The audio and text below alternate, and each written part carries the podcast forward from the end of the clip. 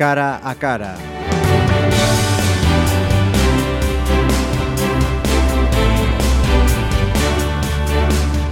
Saludos, eh, un cara a cara hoy para conocer eh, Pontevedra mm, desde la óptica de un grupo de profesionales eh, coreanos que estos días pues bien habéis podido ver por la ciudad grabando además en estos días bulliciosos.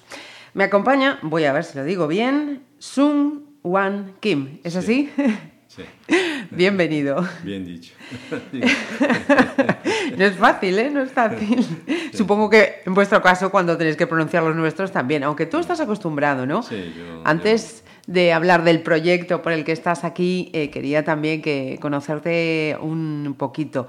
Eh, llevas ya eh, varios años en España. ¿Cómo vienes a España? ¿A qué te dedicas? ¿Qué haces? Bueno, he venido principio para estudiar turismo, es año 84 y, pero bueno, y, me enamoré de España y me quedé. Ajá.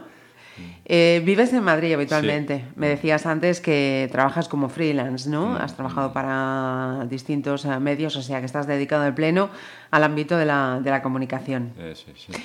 En este caso concreto de Pontevedra, ¿qué es eh, lo que te ha traído aquí en este caso, creo que como traductor, ¿no? Mm. Cuéntanos, por favor. Bueno, he venido como coordinador del, para la cadena MBC. Es una cadena eh, que cubre todo territorio coreano.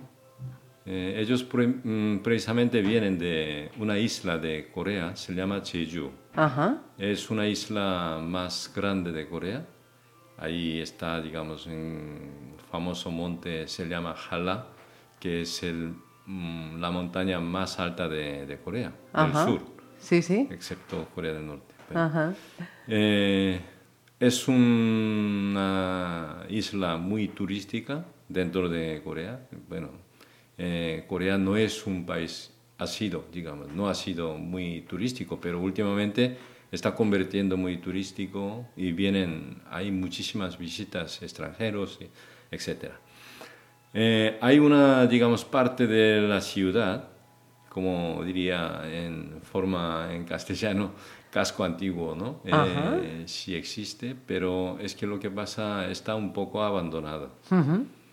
Eh, bueno, eh, Kwon es el, digamos, eh, eh, periodista de MBC, que él había pensado, eh, digamos, buscar alguna alternativa, digamos, dar alguna idea para poder, digamos, eh, recuperar esa zona de zona histórico de la ciudad y había investigado, digamos, cuál sería algo modélico, ¿no? Ajá.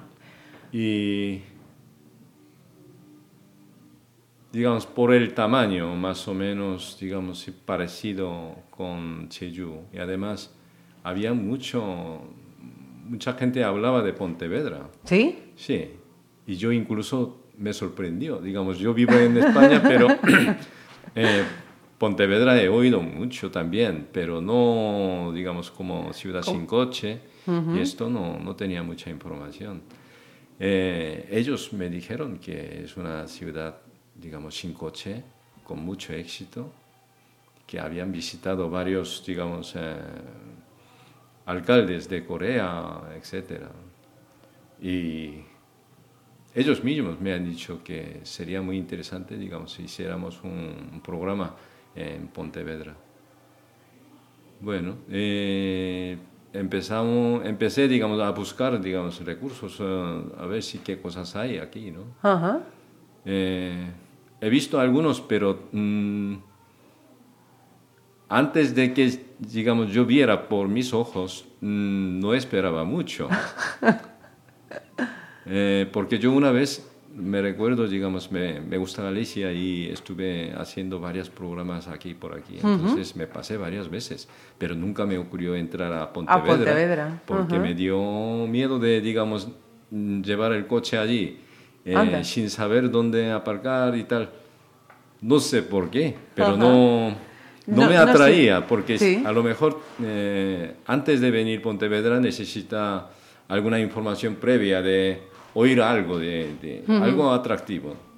eso no, no lo habías no encontrado. tenía yo ninguna. Entonces, mm, no esperaba nada y entonces me, me pasé. Ajá. Pero no solamente una vez, varias veces. Varias veces.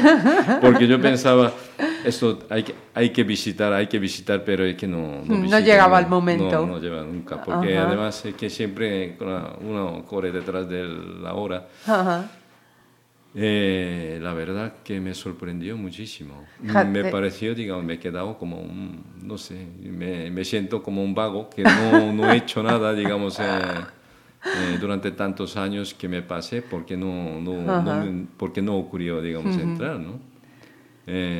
Eh, la verdad que es Lo- sorprendente y, y muy, muy interesante. Ayer hicimos una entrevista con el alcalde. Sí. Eh, es que me sorprendió una cosa todavía más, es lo hicieron, digamos, sin, sin proyecto, digamos. eh, Poco a poco, ¿no? Ir sumando sí, medidas, porque una medida, Al principio otra medida, yo no entendía medida. cómo puede hacer, digamos, un- una cosa así, pero sin proyecto, digamos, eh, sin... Un proyecto general, completo, Sí. diseño completo de Claro, todo lo que se que- quería. No entendía, pero digamos, al final, digamos, al final de entrevista me, me entendí, porque, claro, está cambiando el concepto. Digamos, todos los académicos a lo mejor no tenían ningún concepto que empezando por, por las personas. ¿no? La importancia dando, digamos, eh, eh, el valor, máximo valor dando a la persona Ajá, ciudadanos, porque hasta ahora lo que habrá aprendido los académicos, lo que habrán pensado siempre, digamos, lo que habían enseñado, lo que había imaginado siempre, Ajá. no, digamos, convirtiendo a...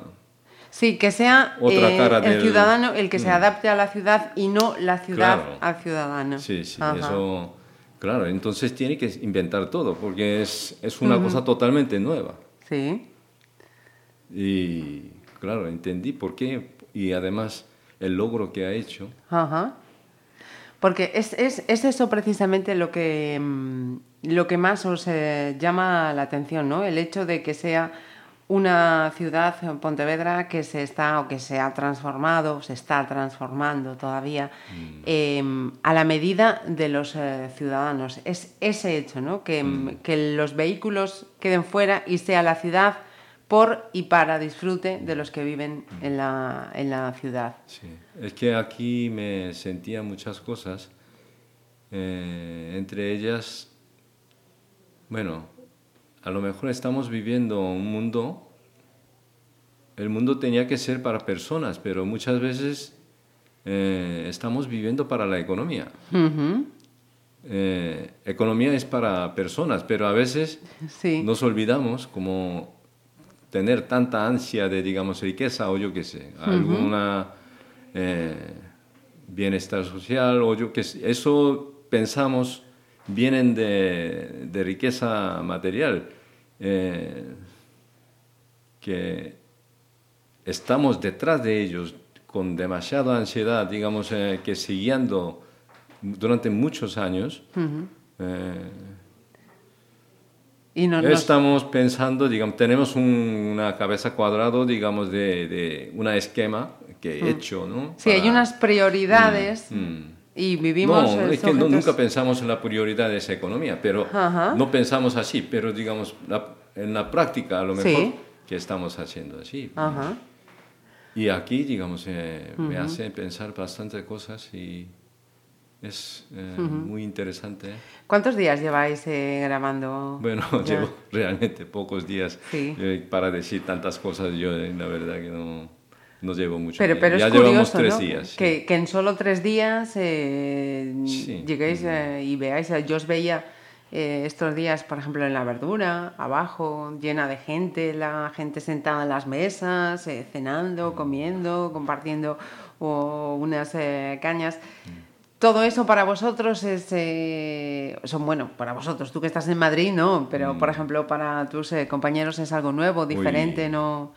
Es muy nuevo. Y además, eh, ellos mm, le da ganas de vivir aquí, no Sí.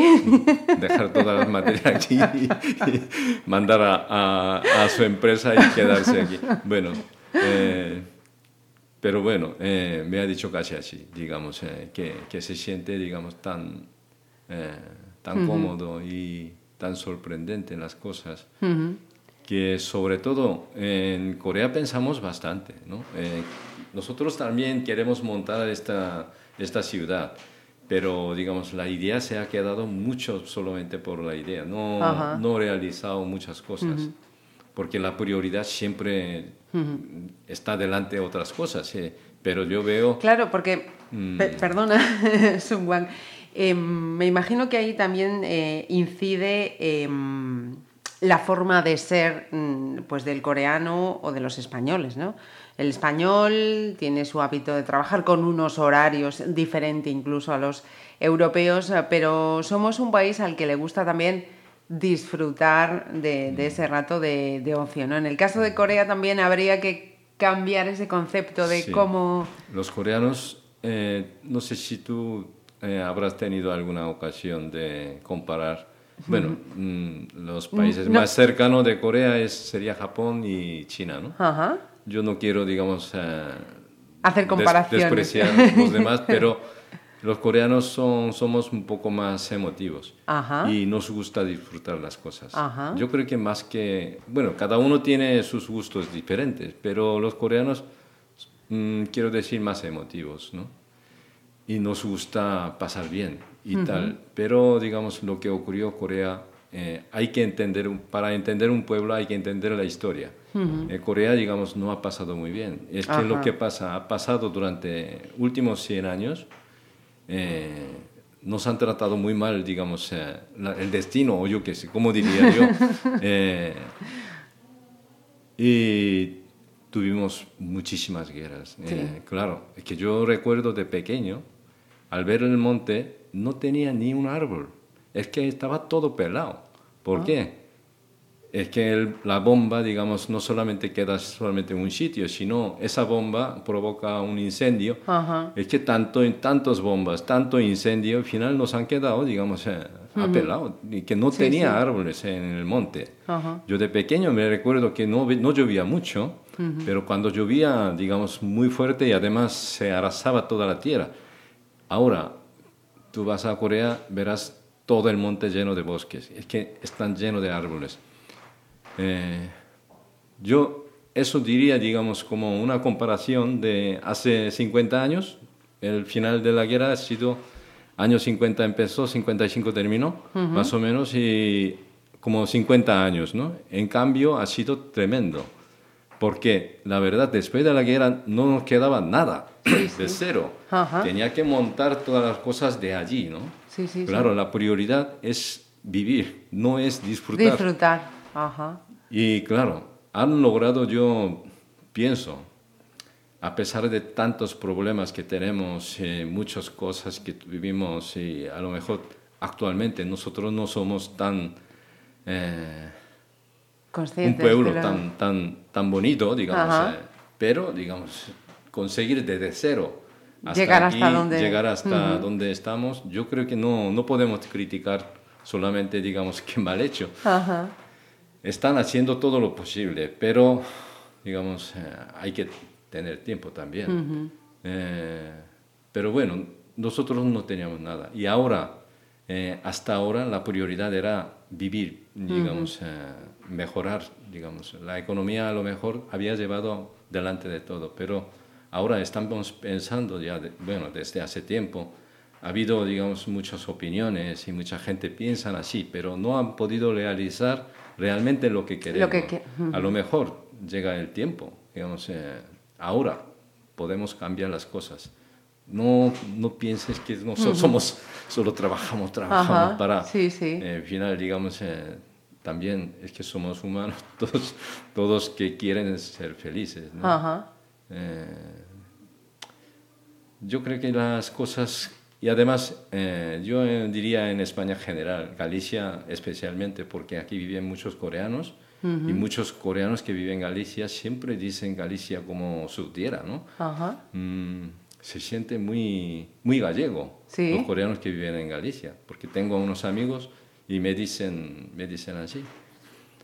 y se encantado, porque Galicia es un eh, aspecto físico, es muy parecido con a Corea. sí, sí, porque Corea actual es muy parecido. Y además eh, la lluvia, el año, más o menos, y además la gente, eh, digamos, más emociona, emocional. Eso, digamos, me parece que se convive muy bien. Sí, sí, sí. Y yo creo que los coreanos mm, podrán entender más fácil, digamos, con España que cualquier otro país europeo, pienso. Yo, yo soy así, yo me sentí Sí, me llama la atención, fíjate. Sí, sí, sí, sí, porque es, Corea también es una península, España también, y claro, entre grandes potencias, digamos, se ha quedado en medio, nosotros también. no sé, algo influirá, alguna forma la persona, lo que piensa y la forma de ser. Sí, sí, sí. Y, digamos, eh, yo creo que Corea y España eh, somos muy lejanos, que estamos en último Una extremo muy del, larga, continente. Pero en el fondo hay mucha similitud. Somos muy, muy parecidos, sí. La verdad que nos me parece mi casa, ¿no? no, a mí me, me, siento muy, muy cómodo y la verdad muy agradable, la gente, sobre todo, digamos. Eh. Mira, ahí en Pontevedra, eh, un, un, dicho, mm. ¿sabes lo que son los dichos en España? ¿no? Un refrán de mm. Pontevedra que dice, está en gallego, ¿eh? Mm. Pontevedra, Evo Avila, edad de beber a quien pasa. Eh, Pontevedra es buena villa, es una villa buena, acogedora, y da de beber a quien pasa. Viene a decir que es una ciudad pequeña, pero que mm, acoge, acoge al que viene de fuera, ¿no? Mm. Ayuda al que viene de, fuera. Mm. Y nos alegramos al final que, esa, máxima sea la percepción que, lleváis vosotros, ¿no? que os sintáis como... Sí, yo todavía me queda Menos mal que me queda todavía unos días, un, dos días más, pero la verdad que me, me, siento muy bien y seguro volveremos. No solo yo, sino estos dos que están enamorados y seguro volverán, no sé cómo, pero dejando toda la materia allí, no sé. Lo van a enviar, el equipo lo van a enviar, el material lo envían allí y siguen trabajando desde, desde aquí. Es que hay muchos también eh, camineros que... sí, haciendo el camino de Santiago. Que vienen, eh, Camino de Santiago. Mi hijo también está andando por aquí. ¿También? Sí, desde, empezó desde Roncesvalles, que ahora, bueno, a la vuelta a Madrid voy a coincidir con, él, para comer por lo menos, no sé, estarán por aquí. Eh, la verdad que me siento muy, muy... Mm, cómodo. muy cómodo y la verdad que estoy emocionando. Pues es un Wanking, muchísimas gracias. Lo hemos pillado así, casi secuestrándolo. Estaban tomando unas imágenes eh, desde, desde nuestra oficina, desde Pontevedra Vive, y así lo hemos raptado un poco. Es un Wanking, queremos saber, porque estáis aquí, qué hacéis y amablemente pues ha accedido a charlar con nosotros. Bueno, muchísimas, quiero muchísimas. mucho también a los, todos los pontevedreses. Seis, pontevedreses. Pontevedreses. Sí, la verdad que os quiero mucho y además Marisa, eres guapísima. Muchas gracias. Muchas gracias.